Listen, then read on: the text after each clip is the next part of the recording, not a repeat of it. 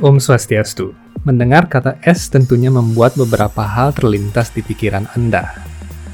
Seperti es batu, es krim, es putar, atau bahkan kulkas. Suhu di dalam lemari es berkisar antara 4 hingga 6 derajat Celcius di bawah nol.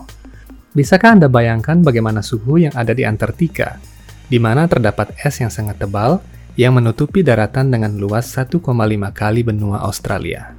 Nyatanya, suhu terendah yang pernah tercatat di Antartika adalah minus 89 derajat Celcius.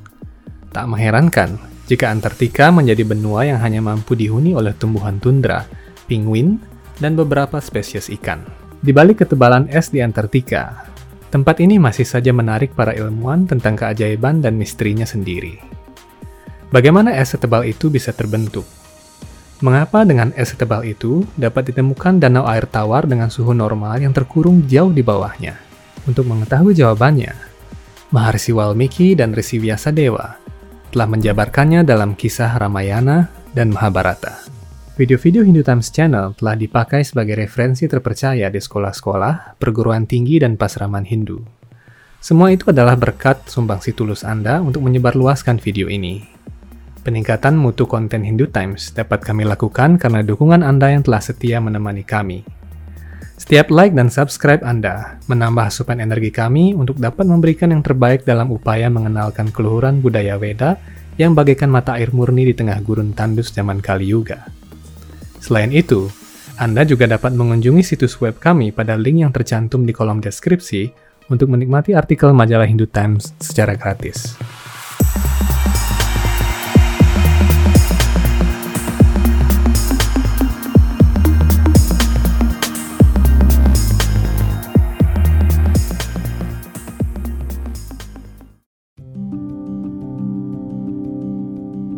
Dari kabar keberadaan pangkalan rahasia Nazi, tempat persembunyian pesawat UFO, hingga pintu gerbang neraka, benua Antartika mengurung seribu misteri di balik sangkar esnya yang tebal. Berakar dari peta dunia abad pertengahan yang dibuat oleh Columbus, Marco Polo, dan Copernicus, para penjelajah awalnya berspekulasi mengenai Terra Australis, sebuah daratan yang berada di ujung selatan dunia.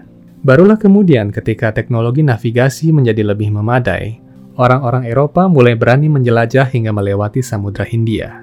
Orang pertama yang sampai di Kutub Selatan adalah Amundsen pada 14 Desember 1911. Pada saat yang sama, terdapat rombongan lain yang berusaha mencapai Kutub Selatan dunia, namun tewas di tengah perjalanan akibat kehabisan bekal dan hipotermia.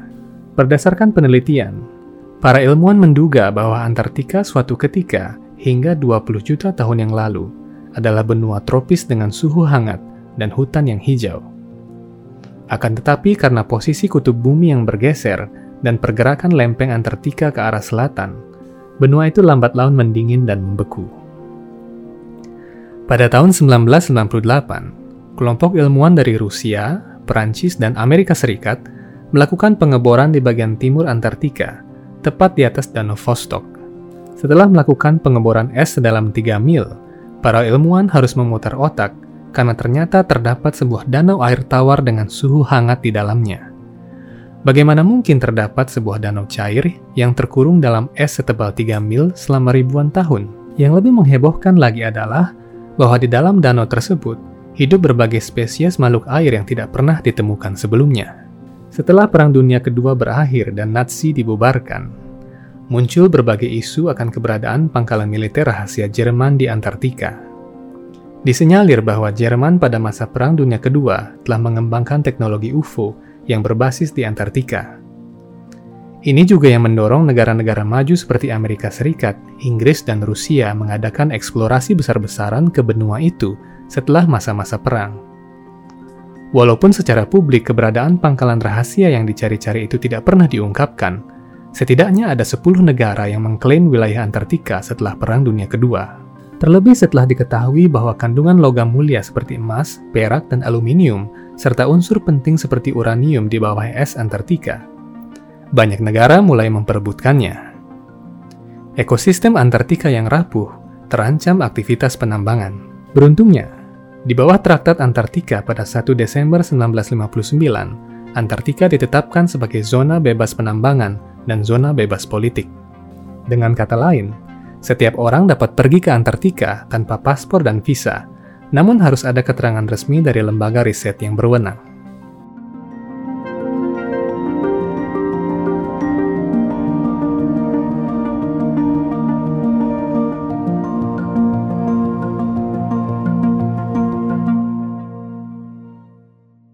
Secara umum terdapat lima topik yang dibahas dalam sebuah Purana, dan salah satunya adalah mengenai geografi dan astronomi.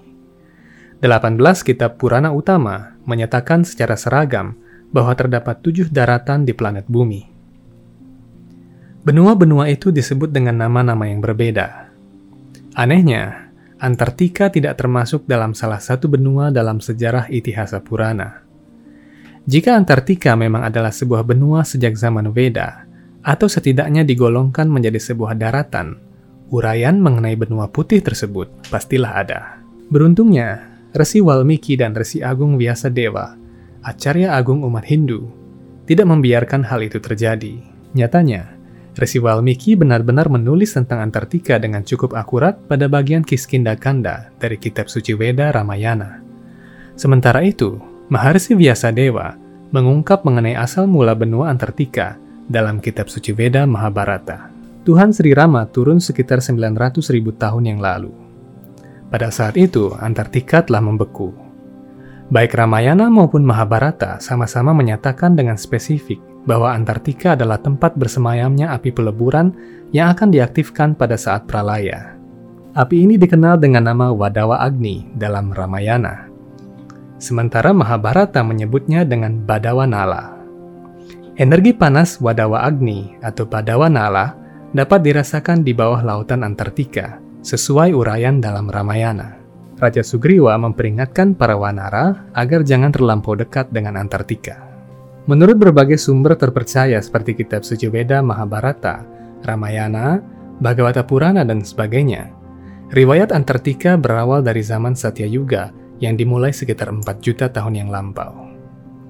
Para ilmuwan merentangkan riwayat benua putih ini mungkin hanya sebatas sejak kapan es menyelimutinya dan organisme purba apa saja yang terperangkap di dalamnya. Seringkali pembahasan mengenai hal itu berpangkal dan berujung pada perubahan iklim. Menariknya, dalam kitab-kitab Veda yang terpercaya, dinyatakan bahwa iklim bumi mengalami diversifikasi mulai pada zaman Kali Yuga. Dengan kata lain, pada zaman-zaman sebelumnya, yakni Satya Yuga, Treta Yuga, dan Dua Para Yuga, praktis tidak ada perbedaan iklim di permukaan bumi. Ini mungkin sulit dipercaya, namun ketika seseorang berbicara mengenai pengetahuan Veda, seseorang harus memiliki keyakinan pada faktor X yang menentukan segala sesuatu, namun tak kasat mata. Itulah tangan Tuhan Sri Krishna.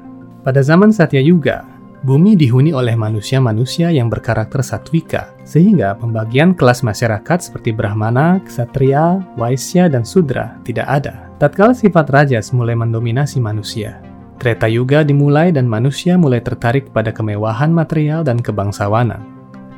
Karena itu, pada zaman Treta Yuga, yatnya-yatnya besar berkembang dan kerap dilakukan demi membuahkan hasil yang besar pula bangsa-bangsa ksatria mulai muncul pada zaman Treta Yuga.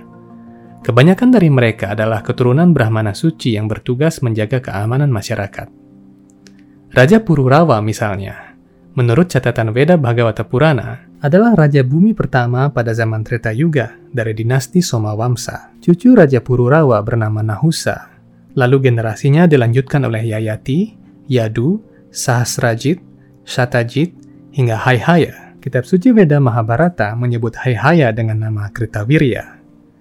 Pada masa pemerintahan Haihaya, para ksatria di muka bumi menjadi begitu korup karena segala jenis kenikmatan material yang mereka dapatkan. Aturan Veda adalah bahwa apa yang telah dipersembahkan kepada seorang Brahmana sebagai dana punya tidak boleh diambil kembali. Akan tetapi, para ksatria pada zaman itu menjadi begitu tamak sehingga mereka mulai meminta kembali dana punya dari para Brahmana. Para Brahmana, yang pada saat itu adalah keturunan dari Resi Brigu, menolak memberikan kembali dana punya tersebut karena akan digunakan sebagai yadnya. Mendengar itu, Haihaya dan para kesatria lainnya menjadi murka dan mulai membantai para Brahmana, wanita, dan anak-anaknya. Melihat kekacauan tersebut, Brahmana Abnuan yang istrinya tengah mengandung menjadi cemas. Dengan kekuatan yoga mistiknya, Brahmana Abnuan memindahkan janin dalam rahim istrinya turun ke paha agar terhindar dari pembunuhan. Sayang sekali, keberadaan janin itu diketahui oleh para kesatria. Ketika bayi Brahmana itu dikeluarkan paksa dan hendak dibunuh, bayi yang perkasa itu mengeluarkan cahaya panas yang menyilaukan sehingga para kesatria yang hendak membunuhnya mendadak menjadi buta. Para Brahmana menamai bayi itu Aurwa karena lahir dari paha. Setelah Risi Aurwa beranjak dewasa, api kemarahannya terhadap para ksatria belumlah padam. Suatu hari dengan kemarahan yang tidak bisa dibendung lagi, Risi Aurwa menyelenggarakan yatnya api suci untuk membunuh semua ksatria yang telah merosot itu. Namun sebelum ia sempat melakukannya, para Brahmana yang lain menghalanginya. Mereka beralasan bahwa ayatnya tidak bertujuan untuk mencelakakan orang lain, namun untuk mensejahterakan setiap makhluk. Para resi dan Brahmana Agung kemudian menyarankan Resi Aurwa untuk melepaskan api kemarahannya. Tatkala api kemarahan itu keluar dari badannya, api itu mengambil bentuk seekor kuda betina dan bersiap untuk melahap bumi. Sebelum itu terjadi, para Resi Agung memerintahkan kuda api itu untuk masuk ke dalam lautan di selatan bumi dan dikenal dengan nama Badawa Agni. Para resi kemudian menjaganya di kedalaman lautan dan menutupinya dengan es sehingga panasnya tidak keluar dan mencelakakan penduduk bumi yang tidak bersalah. Demikianlah tembok es yang tebal akhirnya tercipta di belahan selatan dunia. Nyala dan panas dari Badawa Agni atau Badawa Nala menyebabkan arus samudra di seluruh penjuru dunia. Para ahli oceanografi telah mempelajari dan memetakan arus laut ini dengan cermat selama berpuluh-puluh tahun dan menemukan bahwa air lautan membentuk gerakan memutar di sekitar Antartika. Tidak hanya itu, lapisan ozon di Antartika mengalami penipisan paling tajam akibat pemanasan global. Sebuah realita yang aneh di sebuah benua yang sangat dingin dan tanpa polusi. Penemuan danau Vostok di kedalaman Antartika adalah temuan yang paling memusingkan. Bagaimana bisa sebuah danau air tawar berusia jutaan tahun dan tertutup es setebal 3 mil masih bisa berwujud cair dengan suhu hangat nun jauh di bawah sana. Segera setelah para resi menyegel Badawa Agni di dasar Antartika, kuda api itu mulai membuat hawa panas di bawah lautan. Akan tetapi karena lautan dan es mengelilinginya dari segala penjuru, panas Badawa Agni tidak sampai di permukaan. Dinyatakan dalam kitab suci Weda Ramayana dan Mahabharata bahwa pada saat pralaya, Badawa Agni akan muncul ke permukaan bumi dan menyebabkan semua es di kutub mencair. Akibatnya, lautan akan naik dan menghancurkan peradaban manusia. Demikian episode Hindu Times Channel kali ini tentang sejarah Antartika dalam Kitab Suci Weda. Sangat penting untuk memahami bahwa dunia dipenuhi dengan banyak misteri yang sulit dipahami. Namun dengan mempelajari Kitab Suci Weda dan sejarah-sejarah Weda melalui jalur yang terpercaya, kita dapat menemukan jawaban bahwa semua ini adalah fakta yang sudah tertulis lengkap dalam Kitab Suci Weda. Sampai jumpa di episode-episode yang akan datang. Tentunya dengan butiran mutiara-mutiara pengetahuan suci Veda yang semakin berkembang dan menarik untuk diikuti. Semoga Hindu senantiasa dapat menjadi cahaya yang terang dan menjadi teladan bagi kedamaian, keharmonisan, kesucian, dan keberagaman dunia. Om Santi Santi Santi Om.